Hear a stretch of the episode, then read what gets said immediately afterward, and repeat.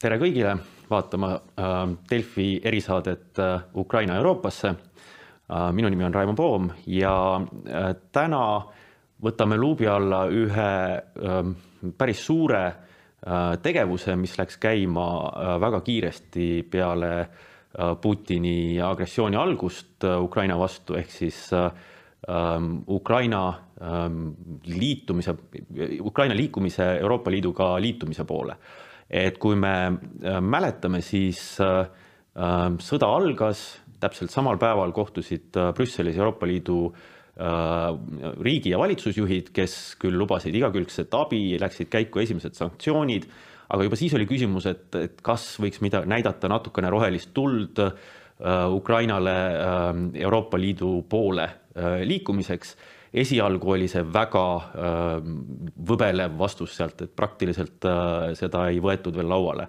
aga sündmused nagu sõjas ikka arenesid lihtsalt tundidega.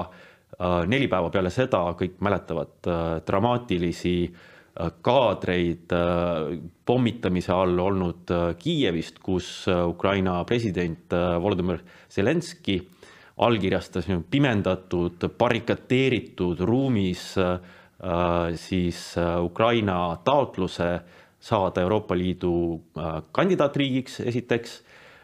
Ja sealt edasi nädala jooksul kogunesid Euroopa Liidu valitsusjuhid veel kord ja nende seisukoht oli kardinaalselt muutunud, ehk siis öeldi Prantsusmaal Versailles lossis otse välja, et Euroopa Komisjon peaks nüüd viivituseta hakkama vaatama, kas ja kuidas Euroopa Liidu äh,, Ukraina äh, võiks siis Euroopa Liidu kandidaatriigiks äh, saada äh,. tol hetkel äh, ikkagi väga paljud Euroopa Liidu äh, just on tähelepanelike vaatajate silmad olid suured, sest et liitumise teema on olnud aastaid külmutatud erinevate riikide murede ja vastuseisude tõttu, et kuidas Euroopa Liit isegi hakkama saab ähm, Äh, mul on väga hea meel täna stuudios tervitada Euroopa Liidu suursaadikut äh, Kiievis, äh, Mati Maasikas, tervist. tere. Ähm, kui te vaatasite seda, seda sündmuste käiku, mis seal praktiliselt selle liitumisega seoses niimoodi pooleteise nädalaga arenes, kas teid ka üllatas see, et, et tegelikult see uks tehti paokile, noh, mis pole aastaid paokil olnud? Ühtpidi üllatas muidugi, sest sest äh, olukord on pikalt olnud täpselt, täpselt nii, nagu te kirjeldate. igasugused laienemisteemalised või täpsemalt liitumisvõimaluse, liitumisperspektiivi andmise igasugused kõnelused on olnud äh, tegelikult, noh, tegelikult neid ei ole toimunud. Euroopa Liit on vabatahtlike liit, liikmete selline väga viisakas klubi, kus äh, kus äh, kõnelusi teemadel, millest on teada, et need liikmeste arvamusi ähm, lõhestavad, neid püütakse vältida nii palju kui võimalik, aga tuli sõda ja seda arutelu ei ole nüüd enam võimalik vältida mm. -hmm. aga võib-olla, võib-olla teeme, teeme nagu selgeks selle, et, et, et millest me räägime, sellepärast et, et inimestel on tegelikult noh, kes ei jälgi igapäevaselt, on palju küsimusi sellega seoses, et et kas see tegelikult tähendabki seda, et nüüd Ukraina liitubki varsti Euroopa Liiduga või, või noh, kui räägitakse kandidaatriigiks saamisest, siis, siis kas see on alles esimene aste või, või, või ku, kuidas see nüüd käib, mis astmed seal nüüd siis on, millest me räägime tegelikult? Sellel Euroopa Liiduga liitumise protsessil on, on järgmised astmed. esiteks, sa pead olema Euroopa riik, Euroopa Liidu lepingu, ähm, Euroopa Liit on, on väga, on väga legalistlik nähtus ja igal asjal peab olema õiguslik alus. et esimene samm on see, et Euroopa Liit ja see on siis tippkohtumisel, ülemkogul, ühehäälselt otsustab, et see riik on Euroopa riik, äh, lepingu artikli nelikümmend üheksa järgi. lepingu artikkel nelikümmend üheksa ütleb, et kõigil Euroopa riikidel, all European states, kes täidavad kriteeriume, on õigus, on õigus liituda. ja selle, selle artikli järgi on seni tunnistatud ainult Lääne-Balkani riike ja Türgit. Noh, loomulikult riigid nagu Island, Norra, Šveits kuuluvad ka sinna alla. ja idapartneritega seoses on seda arutelu väga välditud nüüd. nüüd see oleks esimene samm mm. -hmm. teine samm, äh, järgmine aste on kandidaatriigiks saamine. ja, ja kui me vaatame, kuidas Lääne-Balkani riikidele siis anti see liit, liikmesusperspektiiv või anti see nii-ütelda artikkel nelikümmend üheksa, anti Thessalonikis kaks tuhat kolm, siis vaadata, kuidas nende riikidega on edasine käinud, siis on alati olnud, olnud mingid tingimused, mis tuleb täita, enne kui see riik saab kandidaatriigi staatuse. esimesena õnnestus see põhi, toona, toona, eks ole debateeritud nimega Makedoonial, nüüdses Põhja-Makedoonial ja sellekski läks kaks aastat. sa saad kandidaatriigi staatuse ja siis hakatakse vaatama, et mis on vaja ära teha selleks, et alustada liitumisläbirääkimisi mm. -hmm. ja siis on juba, ja siis on juba kõik liitumisläbirääkimiste peatükid ja siis on lõplikud kokkulepped ja siis, ja siis saate, nii et sel, sellel protsessil on laias laastus kolm aastat mm aga eh, mis te siis, mis te siis nüüd teete selles, just nimelt selles äh, kandidaatriigiks saamise protsessis, sest et me siis nüüd räägime Ukraina puhul ikkagi kandidaatriigiks saamisest ja selle, sellest äh, nii-öelda selle ettevalmistuse tegemiseks sellest. et ähm, ma olen vaadanud, et, et äh, nüüd Ukraina on andnud teile pakse paberipakke, mida te võtsite vist isiklikult vastu president Zelenskilt, et et ähm, mis asjad need on, mida nad siis nüüd teile annavad ja, ja millega te tegelete seal Kiievis? kõigepealt ähm, Euroopa Liidu riigipead ja valitsusjuhid ei ole veel seda artiklit nelikümmend üheksa paberile pannud mm.. ja, ja kui te vaatate seda Versailles erakor-, erakorralise ülemkogu ähm, avaldust, siis seal öeldakse küll, et edasine protsess nüüd äh, palutakse komisjonil, Euroopa Komisjonil teha vastavalt lepingule, aga seda artiklit nelikümmend üheksa ei ole välja öeldud just sellel põhjusel, et ei olnud konsensust selle väljaütlemiseks. nüüd äh, loomulikult komisjon teeb praegu oma analüütilist tööd vastavalt, otse kui oleks talle antud ülesanne vastavalt artiklile mhm. nelikümmend üheksa, sest muud protseduuri võimalust ei ole see, mida hinnatakse, need, seesama artikkel nelikümmend üheksa ütleb, et nimetab ka need tingimused ära, millele liituda sooviv riik peab vastama. see on, see on toimiv demokraatia, toimiv turumajandus ja muidugi võime rakendada Euroopa Liidu seadust. see viimane on oluline selles mõttes, et Euroopa kääbusriigid näiteks, kes on nagu igas mõttes, kus ka kehtib euro ja kõik nagu tegelikult töötab nagu töötab nagu Euroopas või Euroopa Liidus, tegelikult nad ei ole võimelised seda lihtsalt, äh, haldus on liiga väike, haldusaparaat on liiga väike, nad ei ole kõike võimelised, võimelised täitma. ja komisjon praegu hindab seda ka, äh, kas mm, Ukraina on toimiv demokraatia, toimiv turumajandus. ja tuleb siis juuni keskel välja oma hinnanguga ja tuleb välja ka soovitusega mm -hmm. soovitusega ülemkogule, soovitusega liidritele ja see on siis nüüd ülemkogu eesistuja Charles Michel'i otsustada, millal ta selle, millal ta selle otsustamiseks paneb. Ehm, ülemkogule ühtpidi aeg ei oota ja sõda on ikkagi väga äärmuslik olukord ja, ja noh, igasugused viivitused kindlasti tekitaksid palju, tekitaksid palju küsimusi um, ja Charles Michel on öelnud seda, kui ta viimati käis Ukrainas, ta on öelnud, et tema isiklikult toetab selle kandidaatstaatuse andmist. aga, aga peab olema kõik klubi liikmesusega seotud otsused tehakse ühehäälselt. just, just. kõik peavad nõustuma. just um,. kui rääkida, et kas on toimiv demokraatia ja turumajandus, et et kas seal sees juba siis ähm, noh, hinnatakse ka seda, et noh, mis on, mis on Ukrainas äh, nagu vastav äh, või vaadatakse ka natuke seda, et mis on nagu vastav juba Euroopa Liidu noh, kuna see on juriidiline äh, liit, eks ju, sisuliselt, mis, mis toimib sellele, et kõigil on ühtsed reeglid.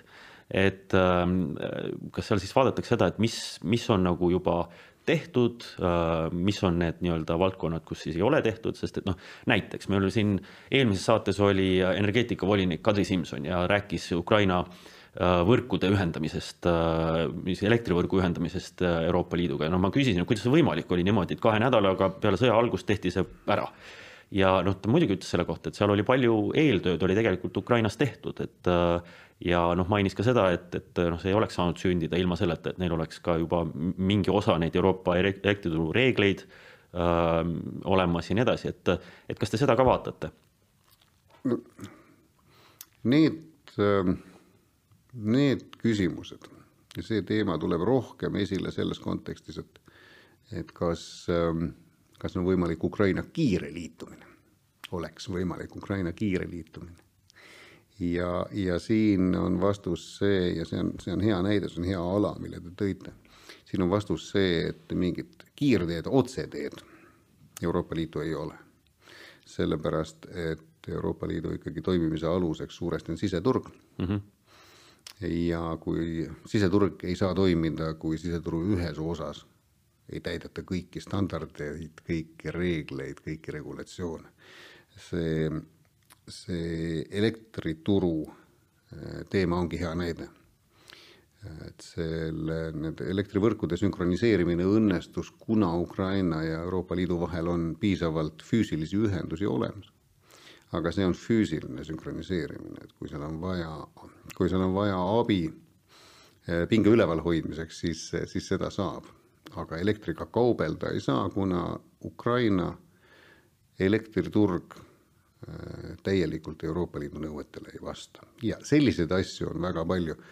kõigile, kõigile Euroopa Liidu keskmisest vaesematele liituvatele riikidele nagu Kesk- ja Ida-Euroopa riigid on väga suureks küsimuseks alati olnud keskkonnanõuded, mis on Euroopa Liidus väga kõrged. ja, ja, ja nii edasi, et ei, praegu tulles tagasi teie küsimuse juurde, praegu vaadatakse selliseid äh, põhi, ähm, suurt pilti, toimiv demokraatia, jõu, võimude tasakaal, ähm, toimiv, toimiv turumajandus. Ja ei minda, ei minda veel. See on järgmine samm siis, kui hakatakse valmistuma liitumisläbirääkimisteks. okei okay,, aga, aga kui, kui te hindate praegu, äh, kas Ukrainas on toimiv demokraatia, kas on nii-öelda põhimõtteliselt tegemist turumajandusega, siis ei saa üle ega ümber sellest küsimusest, et äh, Ukraina on sõjas. Ähm, sõjaolukorras äh, noh, paljud reeglid ju noh, ei saa, lihtsalt puhtalt objektiivselt ei saa töötada, sellepärast et kogu, kogu äh, riik on mobiliseeritud ja, ja kehtivad väga paljud noh, erireeglid, mida, mis on, mis on paratamatu sõjaolukorras, et et kuidas te sa, nagu selle saate seda arvesse võtta või, või kas see mõjutab seda hinnangut? mõjutab ja mõjutab enamasti nagu õiges suunas või positiivselt. sest vaadatakse muidugi seda, vaadatakse loomulikult rahuaja, rahuaja korraldust. Alates põhiseadusest, kuidas, kuidas on võimude tasakaal ja, ja, ja muudes, ja muudes seadustes. aga see praegune sõjaaja kontekst Äh, on nagu abiks selles mõttes, et Ukraina riik on tõestanud, et ta töötab ka sõja ajal, ta toimib ka sõja ajal. Ukraina omavalitsused toimivad ka sõja ajal. Ukraina väga jõuline kodanikuühiskond toimib ka sõja ajal ja Ukraina demokraatia töötab. parlament käib koos, parlament võtab vastu seadusi. tõsi, see on kehtiva kehtiva, eks ole, sõjaolukorra tingimustes, aga ikkagi. Ukraina, Ukraina demokraatia on tõestanud oma toimimist ka sõja ajal mm.. kusjuures ma tahtsin küsida, et, et kui ma saan aru, et noh, ukrainlased peavad teile andma ka, te küsite neilt tervet hulka materjale ja, ja küsimusi ja, ja ma juba mainisin sedasama äh, Äh, hetke, kus te võtsite niisuguse paksu paberi kuhja vastu äh, president Zelenskilt, mis siis, ma saan aru, vastaski osadele nendele küsimustele, mis, mis teil, mis teil on olnud. et, äh, et ühesõnaga mind täitsa paneb imestama, et Ukraina siis ütleme ähm, avalik teenistus, ma saan aru, kes ju tegelikult peab neile vastama, on suuteline sõja ajal tegema paralleelselt niisuguste küsimustega, noh, mis ei ole sõjaga seotud, on niisugused väga, väga põhimõttelised, et, et nad saavad sellega hakkama, et, et riik toimib ja said, mitte ainult said hakkama, vaid said hakkama üle helikiirus. see tegid väga, väga kiiresti. Selles on küsimustiku andis üle Euroopa Komisjoni president von der Leyen kaheksandal aprillil ja vastused tulid kaheksateistkümnendal. ja see on väga, see on väga muljetavaldav. on fakt muidugi, et äh, me, me esitasime vähem küsimusi kui tavaliselt mm.. ja mitte sellepärast, et anda Ukrainale mingit hinnaalandust äh, sõja pärast, vaid sellepärast, erinevalt teistest liituvatest riikidest, vähemalt selles faasis, kui nad olid selles faasis, on, on meie suhe juba väga tihe.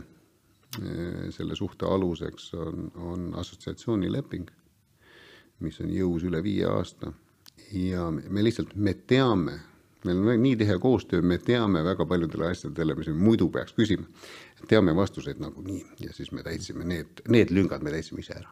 kusjuures ma tahtsingi selle kohta küsida, et kui palju see, kui palju see sügav ja kõikehaarav assotsiatsioonilepe, mis tegelikult oli siis ütleme esimese, esimese selle konflikti faasi põhjustaja ju kaks tuhat kolmteist, viisteist Venemaaga, kui Ukraina otsustas ikkagi äh, nii-öelda rahva, rahva survel minna minna äh, siis äh, ja see lepe sõlmida Euroopa kui palju see on aidanud kaasa tegelikult neil sellele, et, et nad on valmis nagu noh, suhtlema Euroopa Liiduga ja, ja kõike nagu aru saama, et mis, mis on Euroopa Liidu nõuded äh,, mida neil tuleb teha selleks, et, et noh, neid samme astuda. tohutult kaasa aidanud. See näeb ette assotsiatsioonilepe, noh, tema väga suur osa on kaubanduslepe aga kaubanduslepe ei ole, vähemalt nii sügav kaubanduslepe ei ole ainult, ähm, see ei käsitle ainult küsimusi, millised kaubagrupid, kui palju tohib, kui palju tohib viia äh, ühte või teistpidi. see on standardite ühtlustamine, see regulatsioonid, see on tegelikult, see tähendab seda, et Ukraina ettevõtjad, aga ka Ukraina riik peavad õppima Euroopa Liidu standardid Ehm, peavad need ära õppima, peavad need sisse viima, selleks on vaja seadust muuta päris palju ja kõiki neid asju, tegelikult seda, seda assotsiatsioonilepet rakendades Ukraina integreerus juba Euroopa Liiduga päris märkimisväärselt. Ja, ja see, see on aidanud mõlemat poolt ka praeguses keerulises isegi olukorras. nii märkimisväärselt, et ma saan aru, et praegu on erandkorras antud Ukrainale ju ähm, õigus Euroopa siseturul peaaegu täies mahus osaleda ja äh, komisjon sellise otsuse tegi, äh, liikmesriigid peavad selle veel heaks kiitma. ma väga loodan, et liikmesriigid suudavad seda kiiresti teha. ja see on, see on muidugi väga märkimisväärne mm., ilma kvootideta ja tariifideta õigus, see on küll esialgu aastaks äh, ette nähtud võimalus, ähm, eriti teades, mida Ukraina peamiselt ekspordib ehk põllumajandustooted, see on veel seda märkimisväärne, väärsem, sest, sest põllumajandustoodete turule pääs on alati äärmiselt keeruline poliitiline küsimus. nojah aga hinnatõusu raames jällegi võib-olla teistpidi tervitatav tarbijate poolt, aga ei tea ähm,.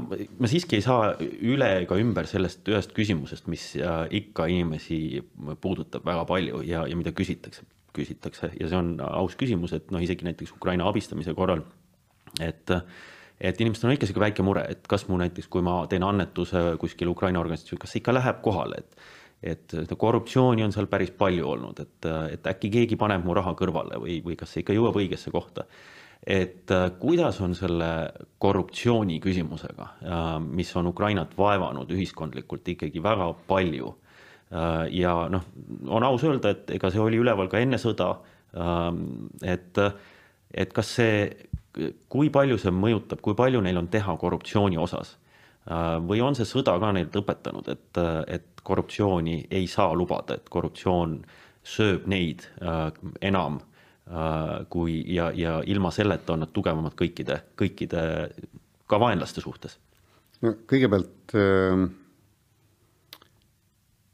kui abistada soovivad inimesed teevad ülekande mõnele Ukraina mittetulundusühingule, siis on korruptsioonirisk ikkagi väga väike. Õnneks. Aga nüüd laiema, laiema küsimuse juurde. noh, esiteks sõjaolukorras on muidugi ka oma nokka niisutada keerulisem selle korruptsiooni mõttes Ähm, on ka muidugi rahvas ja riik on väga konsolideerunud, see patriotismi tunne ja patriotismi tunde juurde loodame, käib ka, käib ka see tunne, et oma riigile on uhke makse maksta ja vajalik. nähakse seda muidugi, kui sandis olukorras on Vene armee ja kuidas seda on korruptsioon söönud et nii, et kõik see annab lootust, et korruptsiooni teemale ka hakatakse vaatama senisest veel rangemalt. aga loomulikult see küsimus on väga tõsine mm.. See küsimus, küsimus on väga tõsine ja noh, näiteks seesama elektrituru teema, mida me siin paar lõiku tagasi puudutasime. aga Ukraina elektrituru üks omapäraks on see, et äh, seal on, seal on osad kokkulepped Äh, mis ei ole, mis ei ole turupõhised. Äh, keegi saab kuskil, keegi saab kuskil odavamalt, sest nii on kokku lepitud um,. On selge, et Ukraina sõjajärgse ülesehituse äh, korraldamine, et see peab toimuma suuresti läänepartnerite rahaga. see peab toimuma tugeva Ukraina osaluse ja Ukraina huviga, aga see on juba selge, ka praegu, kui tegelikult nende, nende fondide korraldust veel otsustatud ei ole, aga juba see on juba selge ja seda läänepartnerid juba, kaasa arvatud Euroopa Liit juba ütlevad, et jaa, me peame vaatama, et see Ukraina osalus oleks selline, mis ei võimaldaks korruptsiooni. ma ise arvan olles nüüd päris palju kokku puutunud ka, Ukraina, Ukraina kodanikuühiskonnaga ja ka korruptsioonivastaste ametkondadega. et kui sõda lõpeb, siis nende inimeste energia läheb veel kõvemini riigi päris kordapanemisele. Äh, ja, ja president Zelenskõi, ma arvan, ma loodan ka tunnetab seda, tunnetab seda nõudlust ühiskonnas. sest ta on, ta on praegu ühiskonna nõudlust väga hästi lugenud ja seda ka, seda ka juhtinud. ja viimase asjana hästi kiirelt veel küsiks, enne kui meil aeg otsa saab, et äh, me rääkisime sellest, et, et et Euroopa Ülemkogu eesistuja Charles Michel on öelnud, et ta isiklikult tahaks panna selle küsimuse kandidaatriigi staatuse andmiseks äh, Ukrainas äh, Äh, juba suvel lauda ja toetab seda, eks see on, ma kujutan ette, et noh, Eesti ka näiteks toetab seda väga tuliselt ja, ja Ukrainal on toetajaid. oletame, et see otsus tehakse ära, et uh, Ukraina saab Euroopa Liidu kandidaatriigiks, siis um, kui kaua võivad kesta need nii-öelda liitumisläbirääkimised, kas neid üldse on võimalik niisuguseid sügavaid liitumisläbirääkimiste lõpetamist kujutada ette, ilma et see sõda oleks lõppenud? see on üsna selline, see on ühtepidi väga praktiline küsimus, aga teistpidi see on ikkagi sügavalt poliitiline küsimus ka. kui, ähm, kui oleks, kui oleks nii, et üks sõda või üks konflikt kandidaatriigi pinnal hoiaks ära, tähendaks seda, et Euroopa Liit ütleks, et ei, ei, sellist riiki me ei saa võtta siis see tähendaks ju tegelikult otsustusõiguse andmist meie enda otsuste üle, annaks, andmist kolmandale riigile.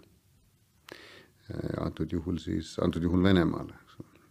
Tekita aga üks konflikt kuskil ja sa võid olla rahul, et selle, et selle riigi läänesuunaline integratsioon lõpeb. Euroopa Liidus on üks riik, kelle territooriumist kolmkümmend seitse protsenti on okupeeritud, Küpros ta võeti sisse suuresti samadel, suuresti samadel kaalutlustel um,. juriidiliselt me mäletame siis, kui Eesti liitus Eesti kõik piirid ei olnud, ei olnud või ei ole tänagi täiesti juriidiliselt määratletud.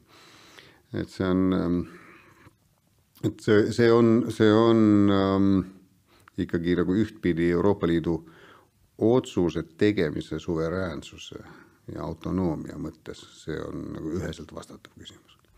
loomulikult, kui, kui on päris sõda, siis see seab asjad teise valgusse ja seab, see seab ka muidugi, me oleme väga uhked, siin rääkisime enne, et äh, Ukraina ametkond suutis kiiresti vastata nendele küsimustele.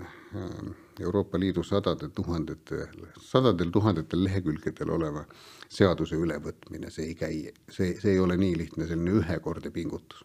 see on väga suur töö ja, ja, ja kuidas seda suudetakse suure sõja tingimustes teha, aga loodame, et me, et see küsimus jääb teoreetiliseks aga suur tänu, Mati Maasikas, seda seletamast ja, ja soovime palju jõudu siis äh, kõikide küsimuste äravastamiseks, mis teeksid võimalikuks võimalikult pea Euroopale siis öelda Ukrainale, kuidas edasi ja Delfi erisaade Euroopa Ukrainasse läheb varsti juba järgmiste teemade juurde ning kohtume õige pea taas. aitäh kuulamast-vaatamast!